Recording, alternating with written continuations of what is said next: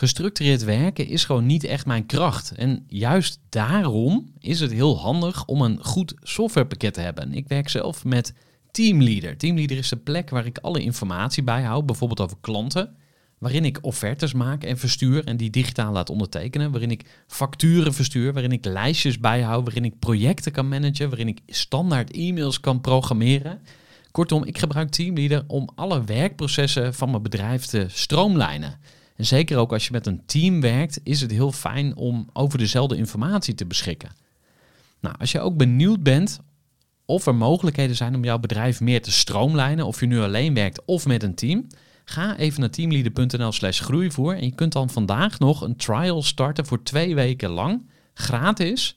En je kunt Teamleader volledig uitproberen. En na de proefperiode krijg je ook nog zo'n leuke korting als luisteraar van Groeivoer. Ga naar teamleader.nl slash groeivoer. Gooi voor. Gooi voor. Gooi voor. Zoek je inzicht, inspiratie voor je eigen bedrijf. Wil je elke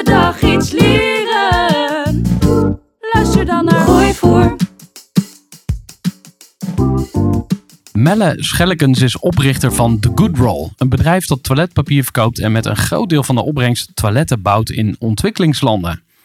Daarnaast is Melle founder van Not Our Agency, een marketingbureau. Melle, welkom bij de podcast. Dankjewel, leuk om te zijn. Ik begin met het vragenvuur. Yes. Wie is je vader? Wie is je moeder? Uh, mijn vader is Mark. Uh, die is helaas uh, overleden toen ik 21 was. Um, en mijn moeder is Olga van den Berg, psycholoog. En die is er gelukkig nog steeds. Waar ben je geboren? Ik ben geboren in Amsterdam. Verliefd, verloofd, getrouwd, gescheiden of happy single? al twaalf en een half jaar samen met mijn, met mijn vrouw sinds drie maanden. Dus na twaalf jaar in het huwelijksbootje gestapt. Ja? we hebben ja, twaalf en een half jaar samen, sinds drie maanden getrouwd. Ja, ja. kinderen? Twee. Ja. Eentje van tien, eentje van zes. Twee dames. Ja, ja. Wat is je grootste jeugdzonde? Zo, mijn grootste jeugdzonde. Uh, goeie vraag. Uh, ik denk, ik was wel echt, echt, echt, echt een partyganger. Dus ik heb wel echt alles, alles gedaan wat, wat God verboden heeft. als, uh, als goede puber. En ik was ook wel echt een uh, flinke puber. Dus als ik daar soms wel eens op terugdenk, denk ik, ik hoop niet dat mijn kinderen zo worden. Uh, ja. Maar dat ik misschien wat, wat strakker kunnen doen voor mijn ouders. ja, en, wat, en wat deed je dan? Klom je uit het raam of zo? Of wat, nou, ik reed op brommer vanaf mijn twaalfde. heel veel uitgaan voordat ik überhaupt 16 was en een club in mocht. Uh, ik ben in Amsterdam bij een van de grootste sushi-couriers. Werkte ik al toen ik 14 was op de Brommer. dus uh, ja, toch wel uh, altijd het randje opzoeken, zeg maar. Ja, ja. onstuimig type. Ja, ja, ja. wat voor auto rij je? Ik rij op dit moment eigenlijk een hele degelijke... Ik heb een auto-abonnement. Ik heb een abonnement waarbij ik elke maand mijn auto kan opzeggen. en daarbij rijd ik een hele degelijke Lincoln Co. Oké, okay, mooi. Um, wat is de mooiste plek waar je ooit geweest bent? De allermooiste plek waar ik ooit geweest ben is Rarotonga. Dat uh, ligt bij de Fiji Islands. Um, ik heb het geluk gehad dat ik met mijn huidige vrouw zo'n elf jaar geleden een wereldreis heb gemaakt. Haar familie komt uit Nieuw-Zeeland. En toen zijn wij uh, onderweg naar Nieuw-Zeeland. Uh, kan je dan ook een tussenstop maken. Toen zijn we geland op Rarotonga. En dat was wel echt magisch. Dat is een eiland waar we op terecht kwamen. Toen hebben we een brommer gehuurd. En wij stapten op die brommer en we gingen een rondje eiland doen. En na twaalf minuten denk ik, hé, hey, dat lijkt ons hotel wel. Nou, dat klopt. Want het was één rondje en één weg op het eiland. En na twaalf minuten stond je weer op dezelfde plek. En dat was echt fantastisch. Tropisch, supermooi. Uh, echt fantastische ervaring. Ja. Nou, we hebben je wat beter leren kennen. Ik zal nog iets meer vertellen over jou. En dan gaan we naar jullie uh, mooie ondernemersverhaal. Je studeerde aan de hotelschool. Je deed de master Business Administration en Brand Management. Werkte voor onder andere Apollo Hotels. En in 2018 begon jouw reis als creative. Uh, je ging aan de slag bij de Concept Creators. En dat is ook de periode waarin de Good Roll geboren werd. En sindsdien is het hard gegaan. Inmiddels hebben jullie miljoenen rollen wc-papier verkocht. En jullie reis is nog lang niet ten einde. En daar gaan we het natuurlijk ook over hebben. Wat zijn jullie toekomstplannen? Maar ik wil eigenlijk met jou beginnen bij uh, het begin. Hoe, hoe, um, hoe is de Good Roll ontstaan? Nou, in de tijd van de concept creators hadden wij een, een, een, toevallig was Leonardo toen een van mijn eerste, eerste klanten, of Apollo Hotel groep, dat nu Leonardo is. En ze hadden de vraag bij ons neergelegd om te kijken hoe zij konden verduurzamen. Eh, binnen de keten. En in die tijd was dat eh, niet per se een intrinsieke motivatie, maar dat was vaak het groene vinkje op de Booking.com website. Want als jij een, een, een gold standard, een gold key had of iets in die trant, dan kon je vaak de kamerprijs verhogen. Eh, wij waren onderzoek aan het doen van ja, wat zijn dingen waar we binnen de hotellerie nog op het gebied van waste eh, of eh, op het gebied van verbruik eh, aanpassingen konden nu wat duurzamer is. Nou, je had food waste natuurlijk. Je had eh, hoe gaat personeel van en naar werk. Eh, wasserij, dus al het linnen wat er natuurlijk superveel doorheen gaat. Ook de producten die ze inkochten. Maar daar waren eigenlijk al best wel veel initiatieven voor. Ehm, en op een gegeven moment kwam ik erachter dat in de catacombes van het hotel, in die kelder, lagen echt honderden rollen toiletpapier. Nou, dat waren allemaal halve rolletjes. Eh, waarom? Want elke keer als je incheckte in een, die tijd in een 4 of 5 sterren hotel, dan wordt er een nieuwe rol opgehangen. Dat was vroeger een ijs. Want er moesten nieuwe rollen in de kamers hangen. Anderzijds heeft het ook te maken met efficiency eh, efficiency van housekeeping. Want eh, elke keer een mooi dingetje vouwen op een toiletrolletje. Dat duurt, dat, een- dat duurt te lang. Dus dat doen ze alleen maar de mooie dure 5 sterren hotels. Dus een nieuwe rol. Dat was veel makkelijker. Duurzaamheid maakt er niet uit. Want dit is snelheid. En op snelheid wordt verdiend. En toen dacht ik, oké, hier, dit vind ik interessant. En ehm, toen ben ik eh, me daar eens in gaan verdiepen. Eh, dat deed je met een studiegenootje of zo? Of met een, eh, want het klinkt een beetje als een studieopdracht? Of was het meer echt dit, een... Ja, nee, dit was echt heel serieus. Dit was al eh, dit was een van de eerste grote opdrachten die wij bij de Concept Creators Aha, binnenkregen. Ja. Waarbij we eigenlijk gespecialiseerd, eh, gespecialiseerd waren in branding, conceptbedenken. Ehm eh, vooral horeca gerelateerde concepten. Dus nieuwe restaurantconcepten. ehm, eh, eigenlijk allemaal vernieuwingen. En dat was in die tijd binnen de hotellerie wel interessant. Het was vrij oudbollig allemaal in Amsterdam. Echt conceptmatige horeca was er nog niet. En vandaar ook dat we werden uitgenodigd naast de andere conceptontwikkeling die we hun deden. Om mee na te denken over dat vergroeningsproces binnen, binnen hun eh, concept. Nou, dat was super tof. En ehm, zoals ik al net zei, daar kwamen we op een gegeven moment toiletpapier tegen. Er gaat super veel toiletpapier doorheen binnen de hotellerie. Ehm, dus zoals ik net zei, elke keer als het wordt ingecheckt, dan wordt er een nieuw rolletje opgehangen. Ja. Ehm, en daar kwam ik eigenlijk achter dat er in die hoedanigheid niet zo heel veel werd nagedacht over de duurzaamheid van papier. Je had zoiets als ecolabel, je had wel bepaalde zaken die ertoe deden. Ehm, maar in de basis, ja, daar was niemand echt aan het kijken van waar komt die grondstof van papier vandaan. Dat vond ik vrij frappant. Eh, zeker omdat het zo'n grote impact heeft en iets is wat we elke dag gebruiken. Ehm, en dan moet je eigenlijk mee terugnemen naar rond mijn 15e, 16e. Eh, toen ben ik ooit in Zuid-Afrika geweest. En in Zuid-Afrika ben ik in aanraking gekomen met een meneer die werkte voor de World Bank. En dat was een, eh, eh, een reis die ik daarheen heb gemaakt via met familie. Ehm, en dan ontmoette ik een meneer van de World Bank. En er was daar een groot congres op het gebied van sanitatie. Niet dat ik daarbij aanwezig was. eh, maar daar waren de mensen waar ik mee op reis was, die, die waren daar wel aanwezig. En die meneer die vroeg aan mij, wat doe jij hier? Ik zei, ik ben met die mensen mee. Eh, ik eh, moet vandaag een beetje op de gang staan, want zij zijn bij het congres. En eh, hopelijk ga ik morgen weer naar het zwembad. En toen legde hij me uit dat het eigenlijk heel goed was dat ik daar was. Want ik kon hem met iets helpen. En waar ik hem mee kon helpen was een boodschap te verspreiden. Was ik helemaal niet mee bezig hoor, op mijn vijftiende. Maar om een boodschap te verspreiden dat in zijn optiek ehm, er maar één ding is... wat de wereldbevolking gaat helpen aan meer gelijkheid. En dat is schone en fijne sanitatie. En hij ging daar veel dieper op in. eh, waarom dat zo belangrijk is. En waarom dat aan de basis staat van normen en waarden en toegankelijkheid. Eh, want goed om te weten, tot op de dag van vandaag, en het wordt alleen maar erger. Een derde van de wereldbevolking heeft geen toegang tot schone en veilige toiletten. Er gaan duizend kids per dag dood aan, eh, aan slechte sanitatie. Tot op de dag van vandaag. En naarmate de bevolking groeit, wordt de ongelijkheid alleen maar groter. Dus dit is een van de weinige getallen nog in de wereld die alleen maar groeit. Terwijl je dat niet zou verwachten. Maar dus terug in dat hotel. eh, bijna, eh, wat is dat zijn? Zou bijna, bijna 18 jaar later. Ehm, eh, zit ik in dat hotel boven, Floor 17, heel mooi restaurant. En nadat ik net beneden al die rollen had gevonden, vroeg ik om een flesje Earthwater. Eh, of een flesje water. En ik krijg in één keer een flesje Earthwater. En Earthwater heeft tot mij tot op de dag van vandaag nog een van de allermooiste slogans. En dat is You Never Drink Alone. Eh, en toen werd dat in één keer, popte er bij mij een, eh, een belletje of er ging een lampje branden. En toen dacht ik, hoe vet zou het zijn als zij met een alledaags product, wat zij doen met water. Ik krijg water, ik bestel het. Het is iets wat ik op dat moment nodig heb. Ik hoef er niet eens over na te denken. Maar doordat het Earthwater is, eh, krijgt iemand anders ook water. Want de missie van Earthwater is dat met elke liter die ik drink, krijgt iemand anders ook een, eh, een liter schoon drinkwater. En eh, toen dacht ik van ja, hoe vet zou het zijn. Ik heb beneden net al die rollen zien liggen. In één keer moest ik denken aan dat verhaal eh, van toen ik 14 daar in, in Zuid-Afrika was. eh, over wat hij mij vertelde over sanitatie. En toen dacht ik, nou vet. Hoe gaaf zou het zijn als wij met toiletpapier Ja.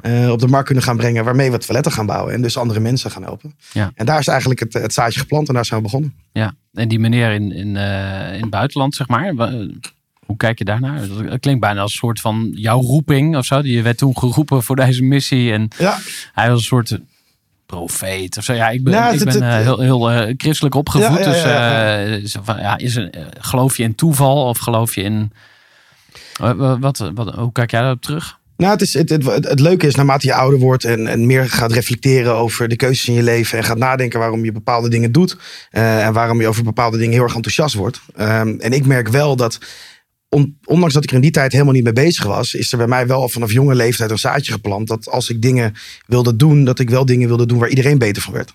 Eh, omdat ik dat een veel warmere manier vond eh, van met dingen bezig zijn. Misschien vandaar ook mijn keuze om ooit de hospitality in te gaan. Het is best wel een on- onderdanig eh, beroep op elk niveau. Want je bent altijd onderhevig aan, aan de grillen van je gasten. En ik denk wel op de een of andere manier dat ik op jonge leeftijd met hem in contact ben gekomen. En dat ik later daar in de hospitality getriggerd door een heel mooi merk eh, tot dit idee kwam. Ja, ik geloof dat daar ja, misschien toch wel een beetje lotsbestemming dan, dan, dan in zit. Ja. Eh, en zeker als je er nog elke dag eh, na zeven jaar zo enthousiast elke dag mee opstaat en mee naar bed gaat. Dan, dan denk ik wel echt iets dat het iets is wat heel erg echt is. joh. Je had dat eh, moment dat er bij jou een lampje ging branden. Het, eh, dus het idee was geboren. En toen ging je naar, naar je Nou, toe rennen. Van, Nou- yo, ik, heb- ik heb het. Ik, ik weet het, ik weet Ja, het. ja, nu ik- gaan we... Nee, helemaal niet eigenlijk. Het, is, eh, ik, ik zat, het was van een hele andere gedachte dat ik op dat moment mee bezig was. Ik zag, ehm, ik dacht, oké, hier heb ik wel iets, denk ik. En dan ga je natuurlijk een beetje online onderzoek doen. Wat is er? Hoe zit de papiermarkt in elkaar? Waar komt het vandaan? Ehm, en, en toen wij startten was ik niet per se bezig om het allerduurzaamste toiletpapier ter wereld te worden. De ambitie was om het sociaal duurzaamste toiletpapier te worden. Want wij wilden zoveel mogelijk rollen verkopen. Eh, want met die rollen wilde ik dan toiletten gaan bouwen daar waar het allerhardst nodig was. Nou, en daar is uiteindelijk ook eh, dat toilet paper, de Build Toilets idee geboren. Waarbij wij nog steeds op de dag van vandaag 50% van onze netto winst eh doneren aan onze eigen foundation. En zelf dus al die toiletten bouwen. En, maar ik ben heel veel onderzoek gaan doen en gaan kijken naar ehm, waar wordt toiletpapier van gemaakt? Eh, waar komt het vandaan? Nou, toen kwam ik erachter dat het helemaal niet zo duurzaam is als wij allemaal denken. Ja, Eh, vertel maar hoor. Nou, het feit dat toiletpapier gebleekt is. Wit toiletpapier bestaat niet. Hm. Eh, wit papier bestaat niet. Ehm, het heeft in principe, als je het van, van virgin trees pakt, dus echt van bomen, zou het een natuurkleur moeten hebben. Maar net zoals met eh, de witte eieren en de, de bruine eieren in Nederland, ons is geleerd door de papierindustrie dat papier zacht en sterk moet zijn. Papiermafia. Papiermafia, ja, altijd, zeker. toch? De papiermafia, de toiletpapiermafia noemen we dat. Eh, het is ons geleerd dat het zacht en sterk moet zijn. Oké, kan ik me nog in vinden. Maar dat het super wit moet zijn. En de mooie paasjehondjes en alles wat erop zit. Ehm, de enige reden waarom ze dat doen, is om het papier dikker te laten lijken. Eh, waardoor jij het idee hebt dat je super zacht en super duur papier hebt. Terwijl het in de basis eigenlijk allemaal helemaal niet zoveel van elkaar verschilt. En in dat proces kwam ik erachter dat wij bijna met z'n allen 270.000 bomen eh, per dag eh, aan toiletpapier verbruiken Per dag. per dag. Dus het Vondelpark in Amsterdam heeft 540.000 bomen. Dus je twee dagen vegen met z'n allen in het Vondelpark is weg. Ehm, nou, gelukkig waren er andere initiatieven in de markt en dat was gerecycled. Alleen gerecycled in die tijd was ja, per definitie een beetje het papier wat je vroeger op school had. Weet je, dat, eh, dat eh, bruine schuurpapier. Eh, daar was kwalitatief niet zo heel, heel goed papier in. Alleen het grappige was wel dat ehm, heel veel mensen niet eens wisten dat ze impact konden maken met zoiets simpels als, Ja. als toiletpapier.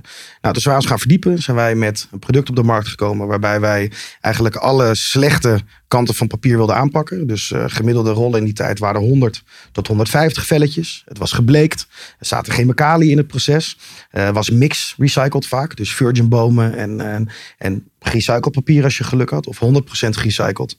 Eh, maar dan wist je vaak niet waar het vandaan kwam. Eh, je kan papier kan je vijf tot zeven keer recyclen. Ehm, dus onze missie was in die tijd om ervoor te zorgen dat ons papier in elk van die laatste fase eh, van recycling zat. Zodat je er echt niks anders meer eh, van kon maken dan toiletpapier. Want als het Ja. eenmaal toiletpapier is geweest, dan is het klaar. Ja. Dan kan je er niet meer een poster van maken of een magazine of een, Ja. of een tijdschrift. Dus papier is in de basis best wel een mooi product. Maar laten we het dan gebruiken voor dingen die duurder en duurzaam zijn. En een andere functie hebben dan iets wat je doorspoelt. Dus wij begonnen met eh, de eerste eh, ja, 400 laags toiletrol. Eh was best wel uniek in die tijd. Eh 100% plasticvrij, wat wij belangrijk vonden. En 100% gerecycled, dus geen mix. Dus dat wij echt wisten waar het vandaan kwam, de grondstof. En dat maakte ons best wel een concurrent. Dus het ging veel langer mee eh, dan de gevestigde orde, wat vaak maar 100 tot 150 velletjes is. En zo zijn we eigenlijk begonnen. En wat het leuke is dat wij het allerbeste idee ooit had, eh, dachten we. Namelijk het allereerste toiletpapierabonnement. Want ik had ergens gelezen eh, dat er drie schaamaankopen waren in de supermarkt. Nou, dat was tampons, condooms en toiletpapier. Niemand wilde met balen toiletpapier slepen. En toen dacht ik, zei ik tegen San, mijn compagnon. hadden we het idee om het allereerste abonnement op toiletpapier te beginnen. En uh, dat werd mega goed opgepakt door alle pers, alle media. We stonden in alle kranten, echt Mm. overal stonden we erop.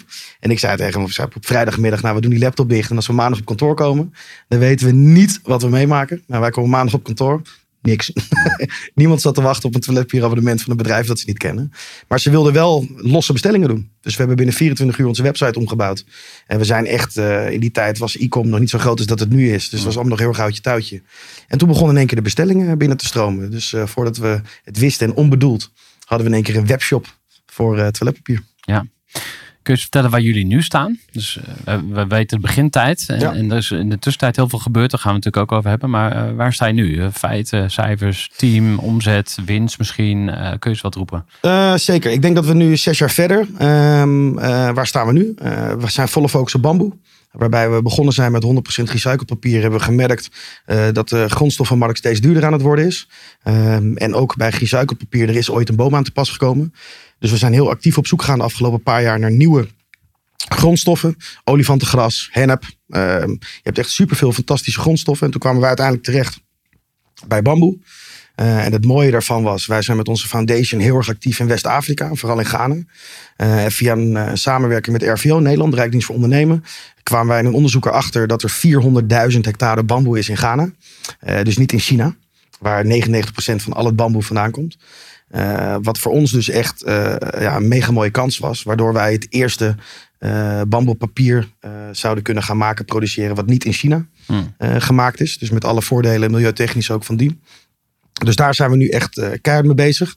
Een mooie side note er is, door ons avontuur in Ghana hebben wij nu een mega grote ambitie uitgesproken. Dat is dat wij het eerste Fairtrade toiletpapier ter wereld gaan worden. Dat doen we ook echt in samenwerking met Fairtrade, World Fairtrade. Hmm. Waarom is dat een big deal? Nou, omdat wij het eerste toiletpapier ter wereld worden wat gemaakt wordt met boeren. En in principe, uh, alle toiletpapier wordt gemaakt in grote productieprocessen. Mhm. Het zijn vaak grote beursgenoteerde bedrijven. Dat is de, de, de krachtige view, zeg maar. Um, en doordat wij met grondstoffen met boeren gaan samenwerken, zeker in West-Afrika, uh, heeft dat best wel veel voordelen. Eén is, is dat het sociale aspect. Die boeren uh, die krijgen extra inkomen. Want vaak op die plekken hebben ze maar twee gewassen op hun land. Dus ze zijn heel erg afhankelijk van de grillen van de natuur. Uh, maar ook van de grillen van hun omgeving. Want ze groeien coco of cacao of palm. Um, en dat zijn vaak uh, um, gewassen die heel erg onderhevig zijn aan, aan alles wat er gebeurt. En doordat zij vaak wel bamboe al op hun land hebben, of wij hun bamboe seedlings geven om te groeien, um, kunnen zij een extra gewas uh, groeien op hun land, waar totaal geen onderhoud voor nodig is. Hm. Uh, dat houdt in dat ze dus geen pesticiden hoeven te gebruiken, wat dus geen geld kost, maar ook beter is voor het milieu. En er zit bijna geen onderhoud of, of, of, uh, of werk aan. Uh, want als je een bamboe zaadje plant, groeit het binnen vier jaar naar volle grootte. Als je het op de juiste manier kapt, groeit het binnen een jaar weer terug. En het wordt mooi in de bamboewereld, wordt een carbon killer genoemd. Uh, het haalt 30 keer meer CO2 uit de lucht, voegt 30% meer zuurstof toe. Uh, en het groeit 40 keer sneller dan een boom. Uh, dus er zitten echt super veel voordelen aan. Want als je een boom kapt, moet je 40 jaar wachten. Nou, als je bamboe kapt, we komen binnen een jaar weer terug om de grondstoffen te gebruiken voor onze bamboeproductie. Um, dus dat maakt het echt heel erg bijzonder. En in samenwerking met Fairtrade, World Fairtrade, uh, zijn we ook echt een systeem aan het opzetten waarbij we zeker weten dat iedereen op een fair en eerlijke manier beloond wordt. Ja. Um, en zij helpen ons. We zijn echt als een partner samen aan de slag gegaan om uh, dit proces voor elkaar te krijgen. En de ambitie is dat we halverwege 2024 ook daadwerkelijk het certificaat hebben. We zijn nu pending, zoals dat dan mooi heet. Ja. Uh, maar we zijn echt samen met hun aan de slag aan het gaan om dit te realiseren. Ja, en dat zou world's first zijn. Dus dat is Ja. wel echt bijzonder. Ja. Even een korte onderbreking met een belangrijke vraag aan jou. Want wat heb jij geregeld voor het geval je van de ene op de andere dag zou komen uit te vallen? Wat gebeurt er dan met je bedrijf, maar vooral wat gebeurt er met jou persoonlijk en ook in financieel opzicht? Samen met ASR voerde ik drie openhartige gesprekken over tegenslag en veerkracht. En dat deed ik met Saskia, Vincent en Pieter.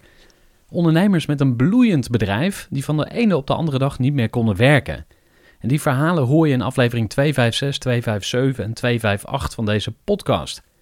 Als ondernemer wil je natuurlijk niet uitvallen. En daarom is het belangrijk dat je veerkrachtig bent, want voorkomen is beter dan genezen. En als het dan toch misgaat, is het fijn dat je iets geregeld hebt, zodat je weer snel door kunt met ondernemen. Wil je weten hoe veerkrachtig jij nu bent?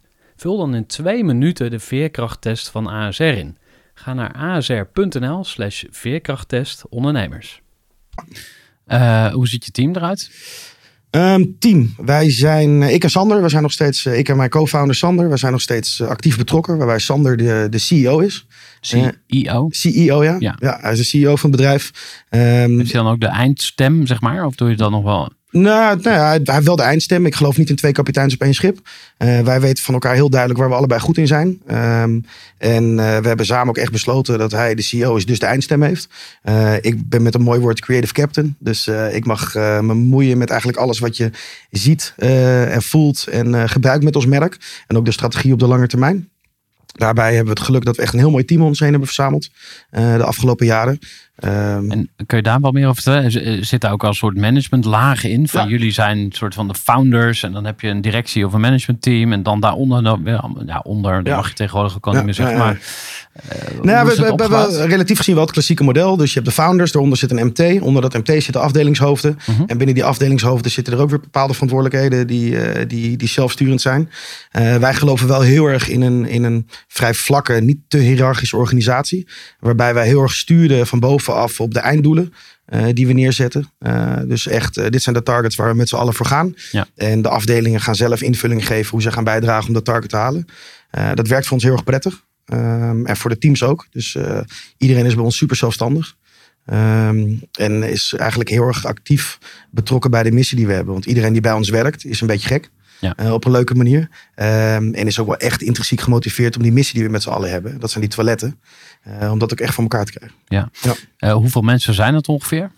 Ik denk dat we nu rond op kantoor zitten we met een mannetje of 15. Mhm. Ehm, ehm, dus dat is het marketingteam, sales team, finance en dan hebben we operations en het management. Ja. Ehm, en dan hebben we ook nog externe werkplaatsen waar we mee samenwerken. We hebben onze eigen sociale werkplaats.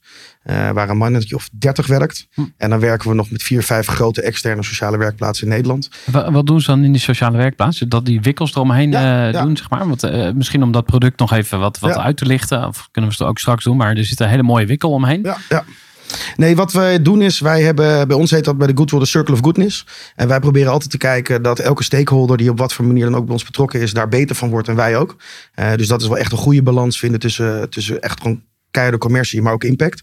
Ehm, en wij kwamen erachter dat wij eh, door samen te werken met sociale werkplaatsen of mensen met een eh, arbeidsbeperking, de breedste zin van het woord, ehm, erachter kwamen dat omdat wij heel repetitief werk hebben, namelijk het wikkelen van die rollen, wat staand of zittend kan, eh, dat wij eigenlijk de perfecte, op, perfecte optie waren voor een hele grote doelgroep die in Nederland helaas niet aan leuk sociaal of, of, of fijn werk komt. Ja. Eh, en omdat wij dat wel konden aanbieden, konden wij een hele grote doelgroep die anders thuis zat, sociaal isolement of eh, best wel moeite had om weer op een normale manier onderdeel te worden van de maatschappij, een werkplek konden bieden. Nou, en eh, daarin zijn wij best wel flink gegroeid.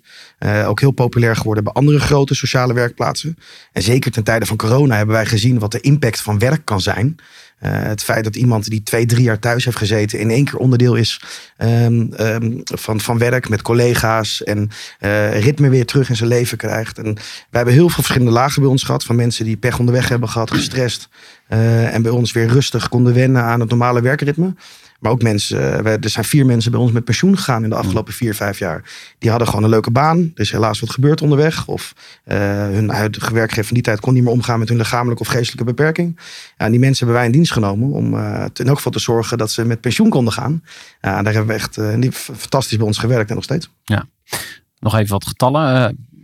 Omzet, winst, aantal wc-rollen, marktaandeel. Ik Zo. gooi gewoon even wat op Ja, tafel. ja, mooi. Ja, nou, miljoenen rollen. Ja, dat, eh, dat is echt. eh, Tientallen miljoenen. Ja, Of- zeker, zeker, zeker, zeker. Ik denk wel echt wel, echt wel heel veel.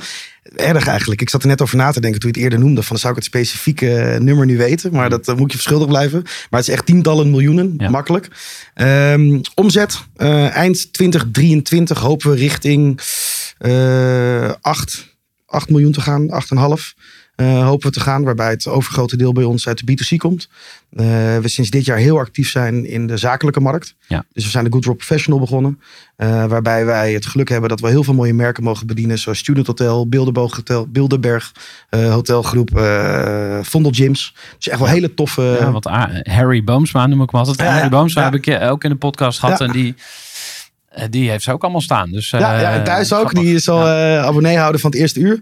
Eh, dus dat is wel heel erg leuk. Ehm, en daarbij proberen we nu de zakelijke markt eh, ook eh, flink eh, actief aan de slag te gaan.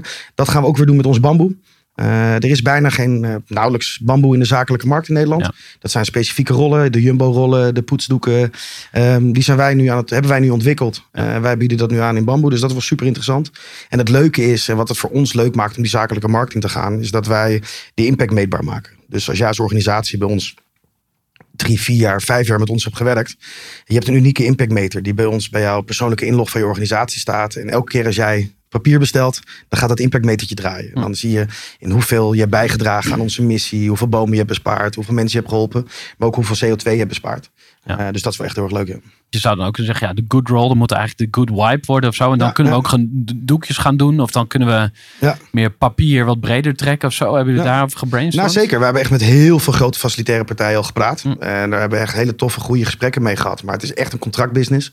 Eh, dus dat zijn, eh, die hebben dan met grote kantoren of groepen echt meerderejaarscontracten. Mhm. Eh, die investeren in de dispensers. Dat is natuurlijk altijd een mooi sales dingetje. Je krijgt van ons de gratis dispensers als je een vijf jaar contract afsluit. Ja, dat waren investeringen die voor ons vroeger niet te doen waren. Ehm, maar wij merken nu wel dat wij steeds meer die markt ingaan. En puur door onze unieke propositie en proof of concept. Dat is, eh, we hebben de impact, kunnen we bewijzen die we gemaakt hebben. De producten die we hebben zijn aantoonbaar beter. Ehm, daar hebben we heel lang over gedaan om daar ook te komen. En ehm, eh, ja, we gaan nu wel echt hard op weg om ook in die facilitaire tak merken we ook dat de partijen nu zien van hé, hey, die boys eh, die, die, zijn echt, Ja, die zijn echt serieus. En we hebben ook heel veel tips en tricks uit die markt gekregen. Die willen ons echt wel helpen. Maar ze zeiden ja, het is nu gewoon te vroeg. En, eh, en die partijen, ook mede dankzij hun tips en eh, feedback, zijn we nu op het moment dat we denken van hé, we kunnen nu ook echt met hun aan de slag. Ja. En eh, ook echt goede, goede trials van draaien. Ik neem aan dat, of ik denk, daar ga ik misschien te diep op in, maar dat de logistiek eigenlijk dan ook, want je zei eh, in ons voorgesprek ja, had je het over een interview met eh, Radio 1. Ja. En, eh, je was daar uitgenodigd als logistiek expert of zo. Dat was helemaal een mismatch, eh, want jij, jij, jij zit veel meer in het product en, en, Ja. en de marketing daarvan, maar Ja. Niet in de logistiek. Maar juist in die B2B is heel Ja. erg, eh, er moet elke week of soms wel elke dag of soms zelfs meerdere keren per dag moet er een, een mannetje of een vrouwtje Ja. een dispenser gaan controleren of eh, vullen. Dus je krijgt een heel ander Ja. totaal aanbod natuurlijk. Ja. Ehm, gaan jullie daarop door, zeg maar, denk je dan? Of, eh, want, Nou, wij, wij, wij- ik denk dat, zeg maar, ja, ik noem het even de dispensermarkt. Ik, Mhm. het, het gaat meer om het feit welke dispenser heb je hangen. Als jij een CWS of een eh, whatever dispenser op je kantoor hebt hangen, ja, grote kans dat jij de komende tientallen jaren dat, dat product blijft voeren van hun. Ja. Dus het is meer aan ons gelegen om met die grote partijen in gesprek te gaan, dat Ja. wij hun kunnen gaan leveren. En daar waren we vroeger nog niet, maar nu wel. Ehm, en als je het hebt over de, die dispensers bijvoorbeeld, of wat er gebeurt. eh, er zijn heel veel vette ontwikkelingen dat eh, op de Efteling, of nee, de Apenhul, daar was ik laatst op gesprek. En op de Apenhul, als je daar je toilethouder, rolhouder bijna op is, dan gaat er een seintje af bij de facilitair manager. En dan degene van wie die wijk is, die loopt erheen en die gaat toiletpapier bijvullen. Dus het wordt veel efficiënter. Eh, het gaat veel meer op de, op de kosten zitten. En dus dat is ook een battle of, of een kant qua concurrentie die wij niet op willen, maar ook niet kunnen. Eh, maar wij zouden wel heel graag, eh, waar we mee bezig zijn, dus echt die ketenverandering. Hm. Laten zien dat er echt veel betere producten zijn dan dat we nu gebruiken. Tegen een supergoeie prijs. En dat vanaf die kant meer als leverancier misschien van die facilitaire partijen aan de slag gaan. Dan dat we hun concurrent worden. ja. Eh, wie zijn eigenlijk jouw klanten? Want jij zei B2C, dus er zijn mensen die kopen rechtstreeks op jullie website voor thuis papier. Ja. Ondernemers doen dat misschien ook. Dus eh, stel ik heb een bedrijf, ik heb een kantoor, eh, dan kan ik ook bij jullie bestellen. Ja. Maar leveren jullie ook aan grote partijen of zo? Dat je dan in één keer een hele loods vol zet eh, bij, weet ik veel, Plus of eh, Ja, een ja. andere partij? Nou, het is eigenlijk onder, we zijn echt begonnen als webshop, als B2C product. Ehm, en ehm, ik denk dat we nu kleine 70, 80.000 bestellingen per jaar doen op onze webshop. Eh, waarmee we dus wel een van de grotere eh, solo toiletpapieren shops, eh, denk ik wel, van de Benelux zijn. Of in elk geval Europa. Ehm, we hebben op dit moment rond de 15, 16.000 abonnees. Dat zijn particulieren die elke drie maanden een doosje opgestuurd krijgen. Er niet meer over na hoeven te denken. Eh, en dat blijft echt alleen maar heel mooi groeien bij ons. Eh, en we zijn een paar jaar geleden ook eh, actief gestart in de retail. Wij waren het eerste plasticvrije toiletpapier in de retail in Nederland. Dat hebben we gedaan samen met de Albert Heijn toen in die tijd. We liggen onder andere ook bij de Jumbo. Maar we merken dat onze markt echt online is. Dus Crisp, Pieter Pot, eh Picnic. Eh, daar doen wij het echt heel erg goed. En de afgelopen periode, denk ik twee jaar, zijn we met de Good Rock Professional begonnen. En daarmee proberen we nu echt de zakelijke markt. Want daar zit eh, in onze optiek de meeste groei. Ja. Eh, heel anders, hè? want eh 40 bestellingen is één pallet. Nou, dat zijn 40 handelingen in de B2C-markt. 40 webshop-bestellingen, Ja. 40 stickertjes plakken, 40 keer een doos opstapelen. Nou, en als één kantoor bestelt, ja, dan heb je het vaak over twee pallets. Dat is één sticker en die staat al klaar. En die doe je de deur uit. Ja. Een hele andere marge dan op B2C. Eh, Beter maar- of minder? minder. Maar in het kader van groei eh, voor ons veel interessanter. Want onderaan de streep, door al die handelingen, is die marge anders op je B2C-product. Als je het echt tot aan de streep uitrekent. En onze B2B-producten, eh, daar ligt het bereik uiteindelijk veel groter. Eh, omdat daar het verbruik eindelijk gewoon groter is. Ja, en waarom zou een ondernemer jullie product willen? Dat, dat kan een paar redenen hebben, marketingtechnisch. Eh, vaak ben je op zoek eh, naar producten die je binnen je organisatie hebt om te laten zien dat je nadenkt over wat je doet.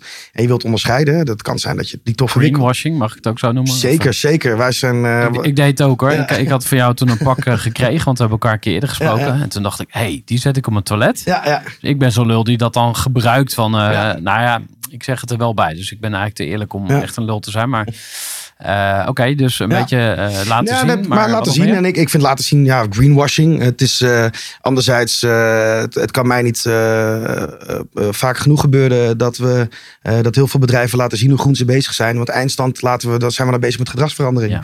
Dus als het iets is wat we continu greenwashing blijven noemen, verschrikkelijk als het gebeurt en als er geen echt echt impact achter zit. Maar aan de andere kant, ja, ik hoop dat iedereen heel hard gaat roepen hoe goed ze bezig zijn voor de wereld. Want dan laten we zien dat het normaal is. Dus ehm, twee is dat wij dus die impactmeter hebben, waar ik eerder over vertelde. Eh, bedrijven krijgen bij ons echt inzicht op het impact dat ze maken met zoiets simpels als toiletpapier. Hoe klein het ook is, maar dat is wel leuk. Ehm, en het is gewoon dat wij vaak qua prijs 100% mee kunnen met de producten die ze nu al eh, gebruiken. En het gewoon een duurzame alternatief is. Eh, dus los van de milieuaspecten, zeker met ons bamboe straks. Ja, je maakt niet alleen impact hier bij jezelf, maar ook daar ver weg. En dan niet alleen door de toiletten die we bouwen, maar ook doordat we met boeren werken. Ja. En dus ik kan me bijna niet voorstellen dat er andere merken straks zijn die, die zo'n uniek sociale cirkel hebben met een simpel product als eh, toiletpapier. Ja, mooi. Ik heb je ook een keer horen zeggen, eh, eigenlijk zijn we geen toiletpapierbedrijf, maar we zijn een marketingbedrijf. Ja. Daar zit ik altijd wel een klein beetje mee te stoeien als ik naar jou kijk en naar jullie bedrijf. Van ja, het, jullie weten het zo goed te verkopen. En dat kan je dan soms eh, het gevoel geven van ja, het is wel, eh, het draait vooral om het verhaal. Maar Ja. je bent nu zo groot geworden dat Ja. eigenlijk je hebt het waargemaakt of Ja, zo. Maar heb je daar vaak een kritiek op gehad? Van, ja, het is te smooth en ja, Nou. leuk verhaal, maar er gebeurt eigenlijk niks. Of, Nou, kijk, het, het gevaar is als je ook mij en mijn compagnons ziet. Wij zijn niet het stereotype groene, sociale, duurzame ondernemers. Ja, interessant, En, eh, ja. en, en dat is iets waar we in het verleden ja, niet zozeer kritiek op hebben gehad. Maar ehm, mensen vonden dat wel eens lastig. Zeker zes, zeven jaar geleden als ik bij bepaalde bijeenkomsten kwam. En ehm, ja, ik wist, eh, ik had toch eh, bril op, eh, haar in de gel Ja. strak naar achteren. Ik ben- was te soepel of zo? Misschien, ja. en, ik ehm, en, en in het begin, ja, weet je, practice what you preach. Laat maar zien dat wat je zegt ook echt waar is. En dat, dat, dat hebben we echt gewoon met de vuist op tafel gedaan, denk ik. We hebben zeker niet alles goed gedaan. En we hadden zeker dingen anders kunnen doen. Maar ik geloof wel heilig in de impact die we tot nu toe hebben gemaakt. En eh, met de foundation, ook als je kijkt, en dat is echt vanuit een ondernemersperspectief. Toen wij begonnen, doneerden wij aan externe foundations. Eh, en wij maakten nog niet zo heel veel winst. Dus elke, elke 100 euro, elke 1000 euro die wij doneerden, eh, zeker bij eerste trajecten, vonden wij dat de impact die eruit kwam veel te weinig was. Ja. Er bleef veel geld aan de strijkstok hangen van die NGO's. Ja. Ehm, en ook daarin hebben wij gewoon weer gezegd, ja, we wisten twee jaar geleden ook niks over toiletpapier. Volgens mij hebben we geen verstand van toiletten bouwen, maar laten we het wel gaan doen. En wij zijn letterlijk op het vliegtuig naar, naar Ghana gestapt. Ehm, en we zijn daar gewoon begonnen met zelf toiletten te bouwen met de lokale community. Eh, en eindstand komen nu best wel veel NGO's naar ons toe. Van hey, eh, gaaf hoe jullie dat doen. Dat model dat jullie hebben bedacht. Eh, zouden wij dat over mogen nemen? Kun je ons daar wat meer over vertellen? Of zouden we dat samen kunnen doen? En in die NGO-wereld is het vaak bij jezelf houden en vooral niet delen. Nou, wij, iedereen die het maar wil weten of hoe we het gedaan hebben, doe het. Want die impact die zij kunnen maken, die is vele malen hoger. Dus wij delen dat juist graag. Ja. Ehm, en ik denk dat dat wel echt het verschil was. Eindstand, we hebben gewoon echt kunnen laten zien dat we die impact maken. Dat we de ambitie hebben om echt te veranderen. En, en we, we zijn ook niet, ehm, eh, we geven ook gewoon eerlijk toe. We zijn gewoon een commercieel bedrijf. Ja. Eh, en bij ons gaat winst en impact hand in hand. Vandaar die 50-50 deling. Ehm, Maar goed, er wordt er straks een miljoen winst gemaakt. Het is niet ondenkbaar als je Nee. 8 miljoen eh, omzet draait. Even als, als Ja, voorbeeldgetal. Ja. Moet je dus een half miljoen naar die foundation. Ja. Ja. dat zou mij ook wel pijn doen. Dat ik denk van, eh, of nou ja, pijn Ja. doen. Eh, je hebt er vanaf dag één niet op gerekend op dat geld of zo. Maar je denkt wel van, ja, jeetje, ik heb bloed, zweet en tranen gegeven. Ik heb ook al het risico gelopen. Het had ook heel erg mis kunnen Ja. gaan. Even advocaat van de duivel. Hebben jullie daar tuurlijk. veel over gesproken? Zeker. Nou, het, is bij ons ook al een paar keer bijna misgegaan. Eh, grote inlaatorders die we eigenlijk helemaal niet konden betalen. En eh, heel veel kansen, maar ook heel veel bedreigingen die we hebben. We hebben best wel vaak echt goed met het water aan onze lippen gestaan. Ehm, maar ook op heel veel momenten gezeten dat het echt heel erg goed ging. Ehm, en wij hebben altijd echt in de bigger picture geloofd. Dus wij, wij zien echt heel erg, nou te gek als we dat miljoen halen, die winst. En dan ga ik echt met heel veel liefde, eh, maak ik diezelfde dag nog de helft over aan die foundation. Ehm, want ik geloof er heilig in dat, dat die impact die je maakt, dat dat veel meer waard is dan het geld wat uiteindelijk op je bank staat. Eh, noem het een beetje karmapunten. Ik denk dat je, dat je op die manier echt heel mooi kan ondernemen. Ehm, nee, nee, eigenlijk niet. Ik, eh, als het, ik hoop dat het 100 miljoen wordt. Ja. En dat we 50 miljoen aan de foundation moeten doneren. Ja. Nice. Ehm, ik moest ook even denken aan Amazon. Ja. .com. Ik heb ooit een artikeltje gelezen over eh, hoe zij allerlei overnames deden. Dus dan was er in Amerika bijvoorbeeld een partij en die leverde volgens mij ook. het- Misschien was het wel ook eh, toiletpapier, dat weet ik niet precies. Ja. Maar die leverde eh, iets aan huis. Ja. En die hadden dat ook in een abonnementsvorm. En toen heeft Amazon gewoon gezegd van nou hier heb je 200 miljoen, we kopen Oh, ja, ja, ja. bedrijf. Luiers. Luiers, dat zou heel goed kunnen. Ja, het was een luiersbedrijf. Ja. Het was Dus- diaper.com of zoiets. Ja, dat was Ja. eh, een mega mooi eh, succesverhaal inderdaad. Wat je nog best wel vaak voorbij ziet komen. Ja, Ja, ja. en toen dacht ik, hé, hey, maar dat zou jullie dus ook kunnen overkomen. Nou, zou mij niet verbazen als je al benaderd bent door Bol of zo. Van, Nou, yo, nog- het eh, waren nog geen Nederlandse partijen, maar we hebben echt wel een paar hele grote jongens eh, gehad die bij ons echt hele goede voorstellen hebben gedaan. Ja. Alleen dat was voor ons te vroeg. Ehm, wij hebben echt een ambitie uitgesproken, ik en mijn compagnon, van wat we willen halen en wat we willen doen. En de impact die we. eh, bij ons is het een beetje eh, no guts, no glory, dood of de gladiolen. Dus is, dat als- een, is dat een, eh, een publiek getal? Hebben jullie een B-hack waarmee je naar buiten durft? Nou, het zijn in, in de hoedanigheid dat we het zo hebben neergezet dat we zelf nog minimaal de 10.000 toiletten willen aantikken. Hm. Ehm, en daar hoort een bepaalde omzet bij. Hoeveel heb je nu gedaan? Wij zitten nu op officieel 233. Aha, Eh, maar ik denk dat je meer richting de 300 gaat onofficieel. Ja. Ehm, nog 970, of nee, eh Ja. 10.970 gaan. zeker. Nou goed, Dus nou, nee, eh 9000. ja, precies. nou. Dus echt nog wel flink. Ehm, maar we hebben nu een model gevonden waardoor we veel sneller kunnen bouwen. Ook omdat wij met lokale communities bouwen. Wat wel gaaf is, wat we hebben geleerd in die periode, is dat als wij naar een dorp toe gaan, dan vragen wij waar ligt hier de behoefte. Ehm, en zij vertellen ons de behoefte van het toilet. Dus het is niet dat wij aan hun vertellen wat ze nodig hebben. Maar zij vertellen, en wij bouwen voornamelijk bij scholen, vertellen aan ons van, nou, wij hebben behoefte aan het toilet voor jongens en meisjes. En in één keer kwamen wij erachter dat er heel veel behoefte was aan kleedruimtes. En dat er behoefte was aan douches. En dat komt omdat ongesteldheid in die eh, regio nog best wel een taboe is. En dat meisjes gewoon gemiddeld per jaar een maand minder naar school gaan dan hun mannelijke collegaatjes. Nou, en als je het dan hebt over gelijkheid, eh, is, dat, is dat best wel gek. Eh, dus wij zijn ook eh, hele andere toiletten nu gaan bouwen. Dus we bouwen ze met douches, met kleedruimtes. Dus bij die scholen. Dus ze zijn ook echt voor die scholen. En we vragen ook dan van ja, wie is hier een timmerman? Wie is hier een eh, loodgieter? Wie is hier? Dus wat gebeurt er? Ehm, de mensen uit het dorp of uit de community zijn zelf dat toilet aan het bouwen. Dus wij zijn eigenlijk alleen maar de tekenaar en de facilitator. Waardoor ze het toilet echt eigen is. En van hun. En iets voor hun om ook trots op te zijn en goed te onderhouden. Want wat je vaak ziet, en ook bij de eerste toiletten die we bouwden. Ja, die bouwden wij dan helemaal met een team uit de hoofdstad. Eh, dat zetten we neer en alsjeblieft en hè. Ja, en dan eind kom je terug na een paar maanden. Ja, het ziet er niet meer uit. Ja, Eh, de, de- verhaal, ja, eh, ja, ja. de deuren zijn gejat. Ja. Ehm, dus daar moesten we ook heel erg in, in, in leren. Eh, maar dit model werkt voor ons heel erg goed en daar zijn we wel heel erg trots op. We gaan straks naar de groeidilemma's. En ik wil het ook heel graag hebben als, straks nog over jouw uitdagingen. Want je hebt natuurlijk best wel, je zei het zelf net al, hè, veel, veel meegemaakt. Momenten waarop je dacht, nou, laten we maar stoppen. Of Ja. we weten niet of we het gaan redden. Maar daar wil ik straks over hebben. En nog even over jullie ambitie. Want ik heb begrepen dat jullie een eigen fabriek gaan bouwen. Jullie zijn ook bezig met eh, geld ophalen. Ja. Een groot deel is ook al binnen. Misschien heb je alles al binnen of zo. Of Nee, hoe nee, zijn nee. jullie? Nee, we zijn. ehm, in, in, laat ik het zo zeggen, in de afgelopen vijf, zes jaar hebben wij geproefd aan ketenverandering. Dus wij zagen echt dat eh, als, als, als klein hoe wij ooit begonnen en iets groter dan dat wij nu zijn. We zijn nog niks in vergelijking met de echte grote jongens in de Maar hoeveel papierindustrie. procent heb je? Een half procent marktaandeel of zo? Ja, ik denk als wij 1% hebben, dan is het echt, Dat zijn. dat zou echt veel zijn. Ja. Ehm, en, wat, waar we merkten is dat wij wel bij, het, bij onze klanten, eh, de partnerships die we hebben, de stakeholders die we hebben, merkten we wel dat wij steeds eh, voorliepen in de verandering in de markt. Wij waren een van de eerste spelers met 100% recycled. Wij waren een van de eerste spelers die volledig onderzoek deed naar, naar andere grondstoffen en 100% overgaat naar bamboe. En dan niet het bamboe wat iedereen uit China bestelt, maar dus dat bamboe wat we met die boeren gaan doen in dat fairtrade proces. Nou, we hebben een fabriek gehad in, eh, in Ghana, die staat nu al. Dat is een hele kleine testfabriek. En in de fabriek zijn we eigenlijk zelf gaan experimenteren met het maken van toiletpapier van lokaal bamboe. En een fabriek, hè? even om het beeld te schetsen. Dan zie ik grote ketels Ja. met papiersoep. En Ja, dan staat ja. iemand met een grote houten lepel. in Nou, wij- bijna wel. maar wat, maar... Nou, eh, ja, dat je eigenlijk hoe beschrijft ze? Nou, het is, ehm, ehm, je probeert zo dicht mogelijk bij de bron te zitten. Dus wij hebben een hele grote hal hadden wij in, in Ghana. Die hebben we zelf gebouwd. Eh, en dat is een hal, dat moet je voorstellen, dat is een voetbalveld.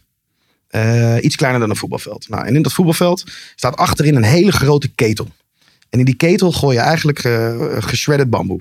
Nou, en die ketel gaat koken. Eh, en dat maakt die fiber die in bamboe zit, maakt die heel erg zacht of maakt die eh, soepel. En dat gaat eigenlijk continu in warm water baden. eh, tot daar een soort van pap van komt. En die pap wordt eigenlijk op een grote machine gedraaid. En dan doe ik het heel simpel nu.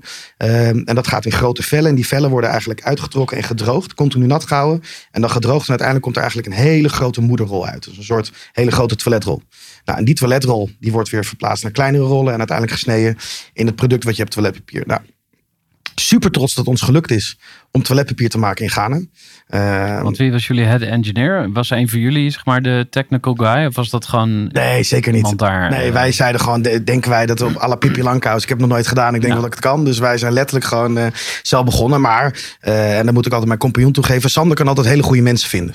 Eh, dus wij vonden de enige eh Ghanese meneer die in Duitsland voor de grootste eh, papierfabriek heeft gewerkt, die vonden wij in Ghana. Dus ook weer een beetje feit en des. Want hoe groot is de kans dat er een meneer 40 jaar in de papierindustrie in Duitsland heeft gewerkt, Ghanese is, en nu net na zijn pensioen een beetje wilde consulten in, in Ghana. Dus dat was echt fantastisch voor ons. Ehm, maar toen kwamen we erachter dat we heel goed papier produceerden. Eh, wat echt fantastisch was. Alleen al dat papier, eh, wat wij zo verschrikkelijk vonden aan China, is dat als je daar heel duurzaam toiletpapier bestelt, dat gaat in grote containers naar Nederland. Nou, dan gaan gemiddeld 60.000 rollen in een container. Ehm, is eigenlijk alle impact die je wil maken, is qua CO2-uitstoot alweer weg. Nou, Ghana ligt een stuk dichterbij. De impact lokaal is daar veel groter door het te doen. Dat was ook echt onze ambitie. Maar eindstand waren we er ook weer rollen in een container aan het doen en naar Nederland aan het verschepen. Dus stiekem eh, was die impact dus ook eigenlijk alweer een beetje weg. En dan kan je werken met het compenseren van je, van je bootvervoer en eh, alles wat bij komt kijken. Maar stiekem was dat niet de allerbeste oplossing. Ook de kwaliteit van het papier die we daar in de fabriek maakten, dat heeft te maken met eh, de, het weer daar. Het is veel vochtiger. Er komen best wel veel aspecten kijken bij het maken van goed kwalitatief papier. En wij kregen hem niet op Europese kwaliteit. Maar wat wel bleek, is dat hij perfect was en heel erg goed voor de lokale markt. Hm. Nou, toen hebben we afscheid genomen van die fabriek en aan onze lokale partner daar verkocht. Hm. Waardoor de impact hetzelfde blijft, het werken met de boer hetzelfde blijft, maar zij is echt focus op de lokale markt. En wij zijn nu bezig met een nieuwe fabriek waarbij we alle learnings hebben. Want wij hebben een nieuwe methode gevonden waarbij wij in plaats van toiletrollen nu platen gaan maken. En die platen van bamboe, die verschepen wij in een container naar Europa. En in plaats van 60.000 rollen kan er bijna voor een half miljoen aan grondstof aan rollen in één container. Dat is eigenlijk een grote papier platen. De papier platen gaan naar onze eh, productielocaties in Europa. Eh, Zijn dat die sociale werkplaatsen? Nee, nee, dit zijn echt andere fabrieken. Fabriek? Ja, Ja, oké. dat zijn echt onze eigen fabrieken in Mhm. Europa. Ehm, en die voldoen weer aan alle strenge Europese eisen. Eh, wij produceren in de enige B Corp fabriek eh, van Europa. Hm. Eh, wij zijn zelf ook B Corp. eh, waardoor wij dus één, de kwaliteit kunnen produceren die we in Europa gewend zijn. Dus we kunnen kwalitatief echt een hele mooie rol maken. En we hebben nog steeds alle voordelen van het papier uit, uit Ghana. Dus de sociale impact en de bamboe. Dus op die manier, met deze route, zoals ik eerder al vertelde over Fairtrade, geloven wij echt dat wij het sociaal en duurzaamste eh toiletpapier ter wereld gaan worden. Eh, Je gaat dus ehm, die nieuwe fabriek bouwen? Of staat die er al? Want ik begreep Nee. dat je 5,5 miljoen eh, wilde ophalen. Ja, nee, we hebben nu, eh, we zijn eh, om, om die Fairtrade droom voor elkaar te krijgen, moeten we deze fabriek eh, voor elkaar krijgen. Ja. En dat is ook echt onze ambitie, want dan pas kan je het echt hebben over ketenverandering. Als wij op deze manier kunnen laten zien dat het mogelijk is en dat het ons lukt. Nou, we hebben het al in stap A laten zien door de eerste fabriek. Die werkt, die draait en dat gaat goed. Hebben we nu echt ambitie om dat met die nieuwe fabriek te doen en alle learnings mee te nemen. De nieuwe fabriek staat ook in Ghana. De, de locatie, de plek, alles staat er al. Uh, wat nu voor ons belangrijk is, is dat we de machines onder andere gaan vinden. Uh, en het hele proces daar. Nou, daarvoor is bij elkaar rond de 5 miljoen nodig. 75% daarvan is al opgehaald. Uh, dat zijn private equity partijen, dat zijn impactfondsen en dat zijn andere investeerders. en net zoals met een huis zeggen zij van ja, wij doen 75, jij moet 25% meenemen. Um, dus wij zijn nu zelf die 25% aan het ophalen. En het liefst doen we dat met de crowd. Eén, omdat dat heel erg bij ons past. Uh, we hebben de afgelopen jaren al vaker crowd equity acties gedaan. En los van de ambitie om zoveel mogelijk flatten te bouwen, vinden wij het ook ergens heel erg gaaf om te zeggen dat de Goodroll uh, duizenden aandeelhouders heeft. Ja. Uh, die allemaal net als ons geloven in een eerste stap zetten naar ketenverandering. En, en geloven in het feit dat je verschil kan maken met zoiets simpels als toiletpapier. Dus uh, ja, we, zijn nu druk bezig. 1,8 miljoen Ja. uh, zijn we aan het ophalen via allerlei verschillende kanalen. En iedereen kan, as we speak, nog steeds aandeelhouder worden. Waarom zou je dat willen? Dus stel je luistert nu, je denkt, Ja. nou, ik heb nog wel 10k liggen of zo. eh, Ja. Nou, één is dat je onderdeel mag worden van zo'n eh, zo'n tof bedrijf eh, als de Goodroll, hoop ik. Althans, dat zou ik heel erg leuk En, vinden. en wat gebeurt er dan? Mag, word je dan uitgenodigd voor allerlei eh, meetups? Of je krijgt sowieso een doos toiletpapier? Ja, dat sowieso. thuis? Nou, het is, wat we echt proberen is, elke aandeelhouder, groot of klein, of dat nou 100 euro is of 10.000, whatever, die proberen we echt intrinsiek mee te nemen in, in het proces. Dus iedereen wordt op de hoogte gehouden met maandverslagen, kwartaalverslagen, seminars, waar we met z'n allen bij elkaar komen om te praten over de strategie die we bepaald en hoe we willen groeien in de toekomst. Eh, we proberen ook echt de community bij elkaar te houden door ook echt in de community te vragen om feedback, om eh, verbeteringen of netwerk. Ehm, los daarvan hopen we natuurlijk dat enerzijds dat je het doet omdat je onderdeel wil zijn van echt iets veranderend. Namelijk dat we die keten gaan veranderen en met die boeren gaan werken. Eh, en twee, eh, hopen we dat er een rendement in zit voor de aandeelhouders. Want Ja. eindstand gaan we natuurlijk voor een bedrijf waarbij het winstgevend genoeg is om eh, mega veel impact te maken met de foundation. Maar ook iedereen die aandeelhouder bij ons is, dat hij een mooie return eh, krijgt op zijn investering bij ons. We gaan naar de groeidilemma's. En Ja. ik begin met de volgende. Geld verdienen is slecht of geld verdienen is goed? Geld verdienen is goed. Oké. Ik ben tevreden met waar ik sta of ik wil eigenlijk nog wel even iets bewijzen. Ik wil altijd nog wel iets bewijzen. Ik kan goed delegeren of ik doe het liever zelf. Ik kan goed delegeren. Een lekker etentje met familie en vrienden of een nieuwe grote partner binnenslepen. Oeh. Ik denk eh, de laatste tijd is dat eh, lekker eten met familie en vrienden. Toch wel. Ergens mee stoppen of juist doorgaan als het moeilijk wordt. Doorgaan als het moeilijk wordt. Oké. Elke dag een nieuw idee of één idee echt groot maken. Ja, dat is mijn eh, brein. Dat is elke dag een nieuw idee. Maar ik wilde delegeren er even uitpikken. Want je zei ja, we zijn met een team van 15. We Ja. hebben een managementteam. En Ja. daaronder weer mensen die verantwoordelijk zijn. Wat ik zelf altijd deed was toch weer naar het stuur grijpen als het eh, van de weg dreigt eh, te rijden. Zeg maar. Hoe ga jij ermee om? Nou, het, is, het is wel iets wat ik heel erg heb moeten leren. Uit mijn hospitality achtergrond stuurde ik echt grote teams aan. Op een gegeven moment was ik verantwoordelijk voor teams van 200, 300 man. En daar zaten natuurlijk wel echt kapiteins en subkaders onder, om het zo maar te zeggen. Maar ehm, ehm, een van de grootste uitdagingen die ik heb in het ondernemerschap gehad, is wel echt het leren loslaten. Eh, en dat heeft niks te maken met dat ik geen vertrouwen had in het team waar ik mee werkte. Maar eh, het is vaak toch je kindje, je baby. Je hebt vaak het idee dat je het zelf het beste weet. En de laatste jaren heb ik wel echt geleerd dat ik goed ben in proces 1 tot 4.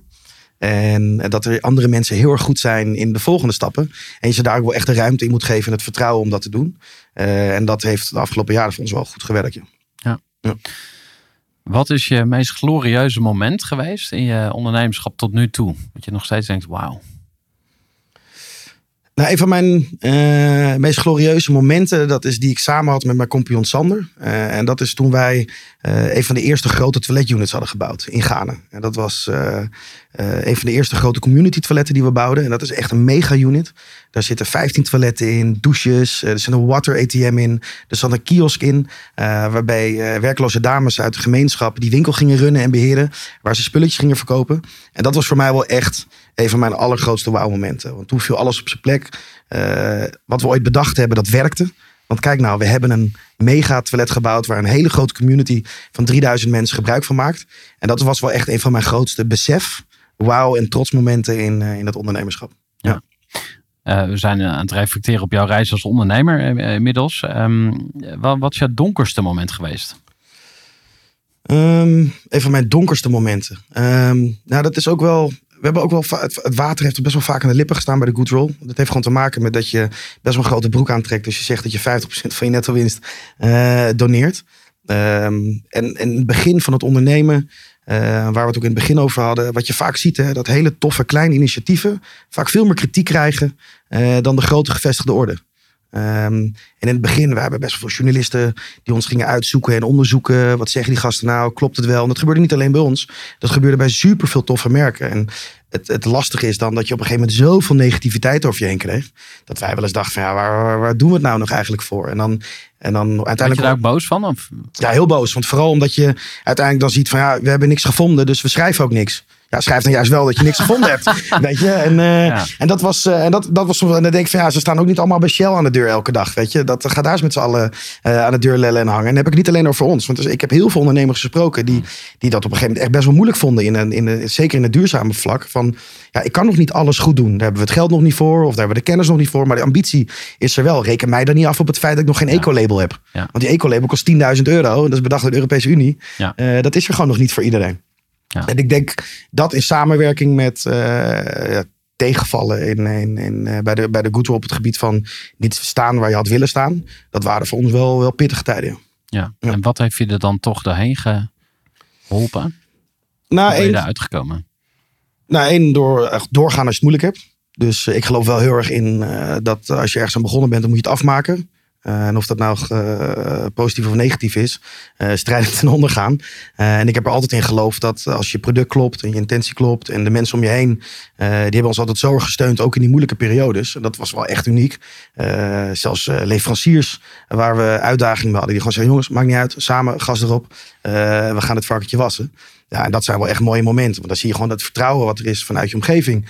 Om samen met jou toch weer door te gaan en te groeien. Ja, dat is gewoon super. Heb je ook nog een, een, soort connectie met je vader?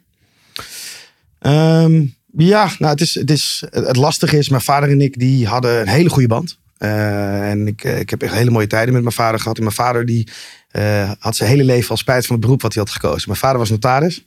Eh, maar die was eigenlijk filosoof en dichter. Eh, dus een mega creatieve man. Eh, maar die was eigenlijk gevangen in, een stigma van, van het notaris zijn. En met mijn vader had ik altijd heel veel dromen over ondernemen en andere dingen doen. En hij was heel creatief in het nadenken. Stiekem ook best wel een goede ondernemer. Ehm, en wat ik wel jammer vind, dat ik dat ik nooit aan hem heb kunnen bewijzen. Want hij is overleden toen ik 21 was. Toen was ik nog niet aan het ondernemen. Dus ehm, ik mis het soms wel dat ik die, die niet aan hem heb laten zien. Of kunnen laten zien wat ik nu eh, gedaan, bereikt heb. Maar ook de tegenslagen niet heb kunnen delen. Ja. Eh, maar er zit stiekem ook wel een stukje, ook, ook een beetje voor hem eh, in of zo. Weet je, van ik hoop dat hij meekijkt boven. Ja. En wat zou die zeggen, denk je? Ik denk dat hij heel erg trots zal zijn op het feit, de, de richting die ik heb opgeslagen in vergelijking met toen ik 21 was. Ja. Ik was echt een ander mens toen en echt op een andere manier. Eh, en ik denk dat hij wel heel erg trots zal zijn op het feit dat we nu impact en commercie echt proberen hand in hand te zetten. En ik hoop eh, daarmee ook andere mensen en bedrijven te inspireren dat het kan. Ik hoop één dat wij laten zien over tien jaar, hey, het is die jongens gelukt. Eh, inderdaad, die donaties waar we het over hebben gehad, dat dat ook echt gelukt is. Hmm. En, eh, en anderzijds dat ik, als, dat ik andere bedrijven heb geïnspireerd om het op deze manier te doen. Ja. Hm. Wie, wie heb je nog meer om je heen als het gaat om eh, jouw persoonlijk welzijn en je groei en zo? Heb je mentoren, coaches, business advisors, ehm ja, thuisfront misschien ook, maar Nou, het is, het is, ik denk dat het heel erg fijn is als je een stabiel thuisfront hebt. eh, waarbij er heel veel begrip is. En er is heel veel flexibiliteit. Zeker voor mij in het ondernemen en alles wat bij komt kijken. Het is goed als je... Ik heb het geluk dat ik heel veel toffe vrienden en kennis in mijn omgeving heb. Die allemaal ook ondernemer zijn. Dus vaak is het wel heel erg fijn om op die manier met andere dingen te delen en te reflecteren. En wat ik vooral merk dat heel erg lekker is, is als je mensen in je omgeving hebt die je echt goed vertrouwt. En ondernemer is vaak ook mooi weerspelen.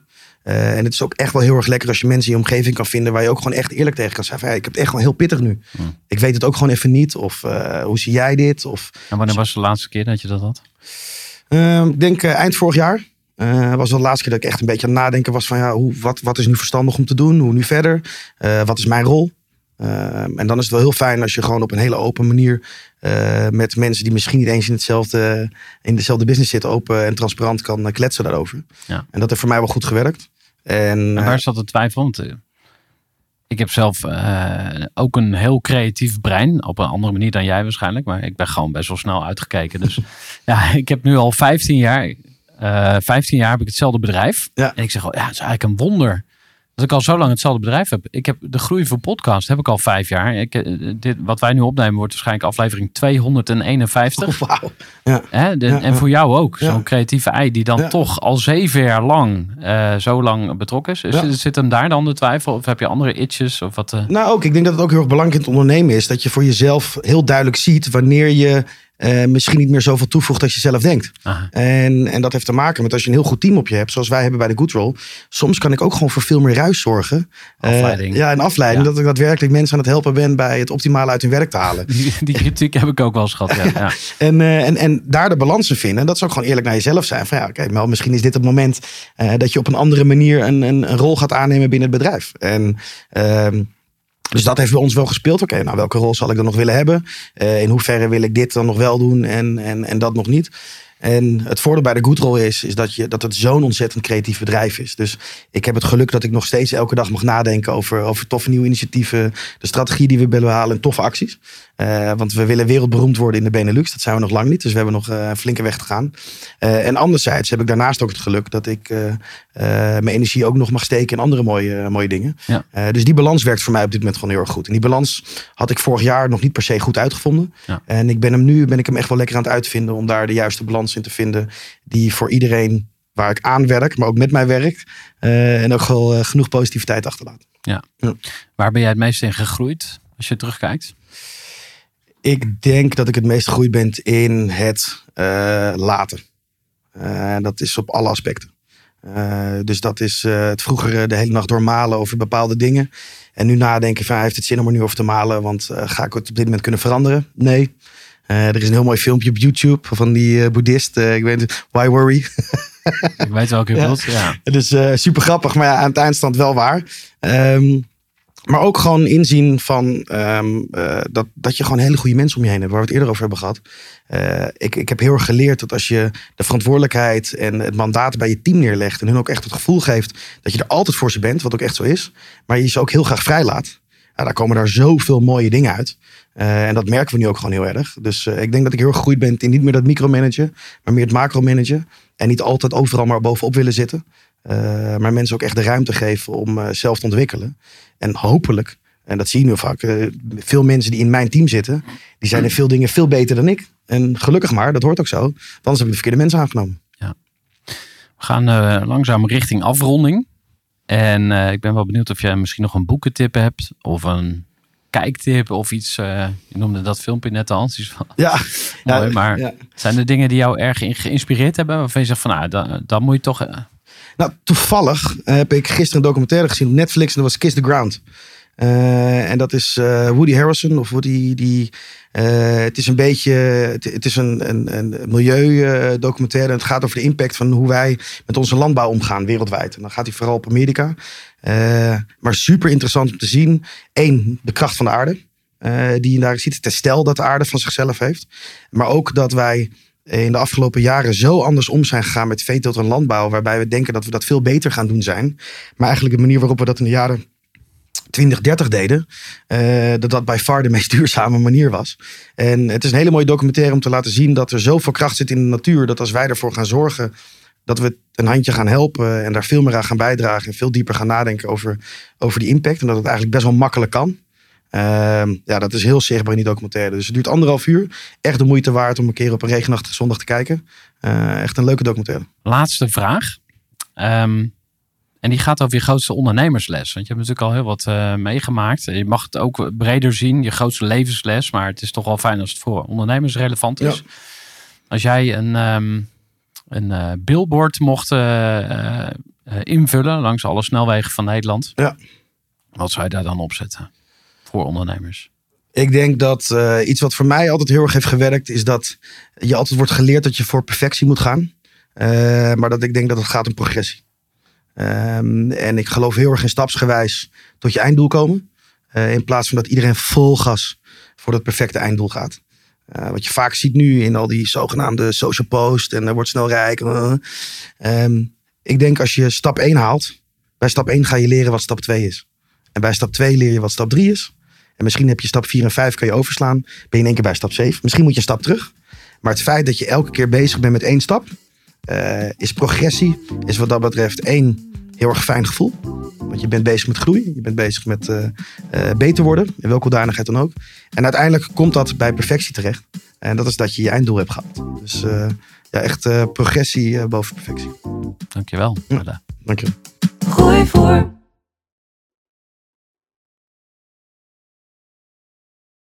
Gestructureerd werken is gewoon niet echt mijn kracht. En juist daarom is het heel handig om een goed softwarepakket te hebben. Ik werk zelf met Teamleader. Teamleader is de plek waar ik alle informatie bijhoud, bijvoorbeeld over klanten.